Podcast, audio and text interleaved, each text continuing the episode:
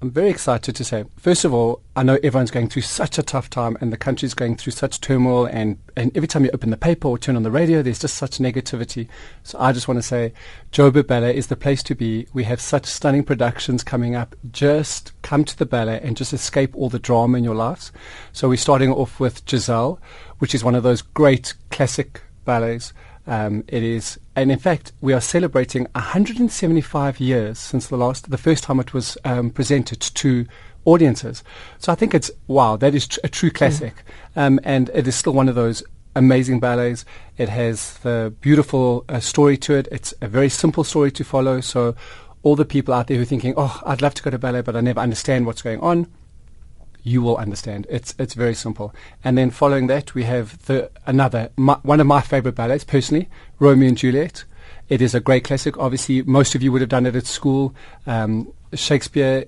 It is absolutely exquisite. The Prokofiev score is to die for. Um, it is just one of those. Why I love it is because there's the strength of the men with their sword fighting.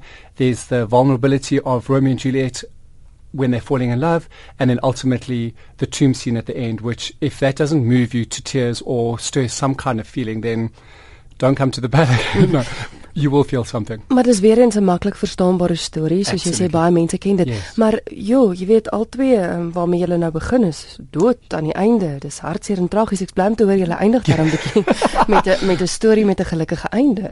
That's why we're ending the year with Cinderella, which is that great fairy tale classic. And again, I, I think the choices that I made this year for our productions was just based I didn't want to hit people with something they didn't know mm. because mm. I want pe- people not to feel uncomfortable. I want you to come knowing what you're going to expect expect from a story, and then just sit back and enjoy the enjoy the production and the ballet.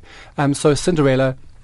I actually choreographed this version, which um, I had a great time doing, um, and I think it's something that is fun and light-hearted. You have the, t- the two ugly sisters, which always bring a comical relief to the to the ballet, and again, everyone knows what to expect, and mm. yeah, it's a feel-good ballet. Dis nou die drie groot produksies wat julle het deur die jaar, maar tussendeur, ek yes. weet julle gaan na 'n klomp plekke toe waar julle fisies die ballet na mense toe vat ook. Absolutely. Klomp planne wat julle het nou. So one one or two of the ideas is that we will be going to Neisner. Um, we feel as a company we also need to be seen as giving back. So we go down to Neisner to raise money for hospice, which I think is such a, a, an amazing cause. Um, and so all proceeds that are raised from that go towards um, giving people that are, are suffering from this um, ca- from cancer, from terminally life-threatening cancer, is very rife and relevant, and um, it is such an amazing feeling to go and do what we love and knowing that someone else is going to benefit from it. Because we as a company, yes, we all know we're always out there saying, oh, we need funding to do this, we need money, please help us. It's great for the dancers to actually go and give back um, so Knysna is, uh, is a great highlight for us. Um, another function we are doing is going to the Roodepoort Theatre, mm-hmm. where we're going to be doing more of a contemporary season. I feel the, the dancers need it. They need to grow and evolve as dancers and artists. So we're going to be doing um, some neoclassical works, plus just so that my, my faithful diehard um, ballet mains, we are going to be doing Les Sylphides, which is one of the great um, classical ballets, which is the soft romantic. Um, that'll be on stage, so that's also going to be performed there. Um, last year, so we did uh, what we called studio soirees. And those were functions because of situations. We never actually had a theatre for December because of the panto, um, etc., etc. So I felt I didn't want our audiences to go away over the Christmas period and not having seen the company. So we put a performance together in our in our studio, and we had such an amazing positive response that um, uh, that is also going to be on the cards. And then one of the other things that I'm just thinking off the top of my head is we are looking at doing uh, a winter school where during the school holidays we're going to try and draw in our young kids.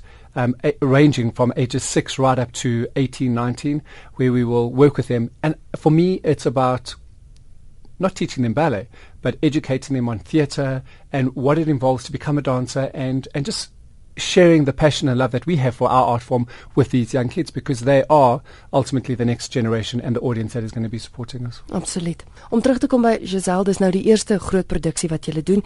Julle het internasionale samewerking. Is dit omdat dit die 175ste viering is van van die ballet? Absolutely. And I'm going to be totally honest with the listeners to say I didn't actually realize this. I I had decided on doing Giselle because I thought it was the right time for the company to be doing it.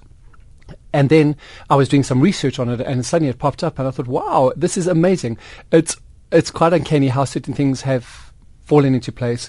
Um, we've been really blessed. So yes, it is because I think internationally m- most companies are going to be doing it, and I want to be seen competing with those companies as well, and so that here in South Africa we can hold our head up and say, yes, we are, as all our international fellow parties out there, we are doing what's being done worldwide. Mm. Jy het begin hierdie onderhoud deur om te sê dat uh, dit gaan rof by almal finansiëel ook yes. en nog goeie nuus wat julle ook bekend gemaak het is die feit dat julle bietjie gekyk het na die kaartjiepryse. Absolutely. Um, we sat down as a team and said, how can we make ballet accessible to the people? We've just, as you said, financially people are, are battling. Um, so we wanted, as a company, give again. And we've gone and re-looked at our, our ticketing structure where we are trying to um, uh, make available cheaper tickets, more of them, um, and not focus solely on the, the most expensive tickets. And if you want to come to the ballet, you've got to pay, you know, X, Y, Z for, the, for those tickets. So really, we are sitting at um, a ticket price of 80 Rand is the cheapest ticket you can buy. Now, I've, I've, got to be careful to say this because there are certain performances that ap- apply. Um, so, but to come and watch Joburg Ballet, a, a, live production for 80 Rand is just, I mean, what do you buy for 80 Rand now? You go to the, the shops and you've bought a bag of apples and some milk and there's your 80 rand kind of thing. So it's really for entertainment of this caliber, I think it's it's money well spent. Um, and then for normal performances, we're starting uh, richly like 100 rand, 120, and I think our most expensive ticket is a 270 or 280 rand. Really, in today's financial climate, I don't think that is a lot to ask for.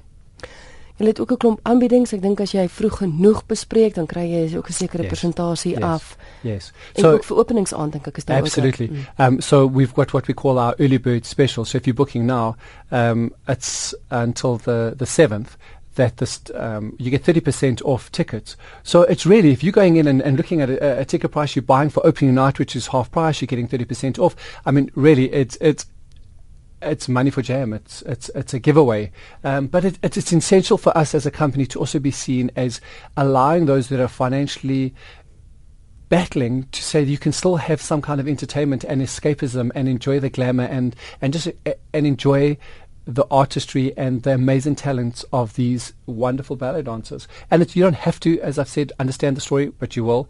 Um, just watch these bodies moving and just performing some phenomenal things. Goed, kom ons kyk na die speelvak van Giselle. Wanneer is julle op die verhoog?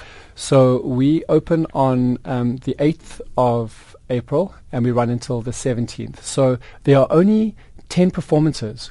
Um, I've also tried to go about this year. Normally, Joburg Ballet does two big productions a year. Um, part of our contractual agreement with the Joburg Theatre, and they've been very good to us, I might also add, um, is that we've got to perform for six weeks. So what we did is that over our two major seasons, we would perform for three weeks. I thought to myself, maybe we can try and split this up and do three major productions over two weeks so that it also gives some variety. It keeps people stimulated um, and wanting to come to the ballet. So uh, it's a big ask on the company because it means that they're doing that extra major season. But I feel that the company's at a place where they can perform it, they will do it, and they will deliver an amazing standard. Um, so yes, it's it runs um, until the 17th of April, um, and then our um, season from Romeo and Juliet is in July, and Cinderella uh, is in the end at the end of September into October. The 9th of October we end that. But I'll definitely be here again for another interview where we'll talk about those productions in detail. Um, but go and book now. Don't wait because I know we all say, "Oh, I'll do it, I'll do it, I'll do it," and then we don't. So I know how everyone's lives are hectic. Do it now. Um, book tickets, and the early bird special also applies to our Romeo and Juliet and our Cinderella season now. So if you're online and you're booking just book for all three. It just makes life so much simpler, and then you know what you're doing in July and September into October for this year.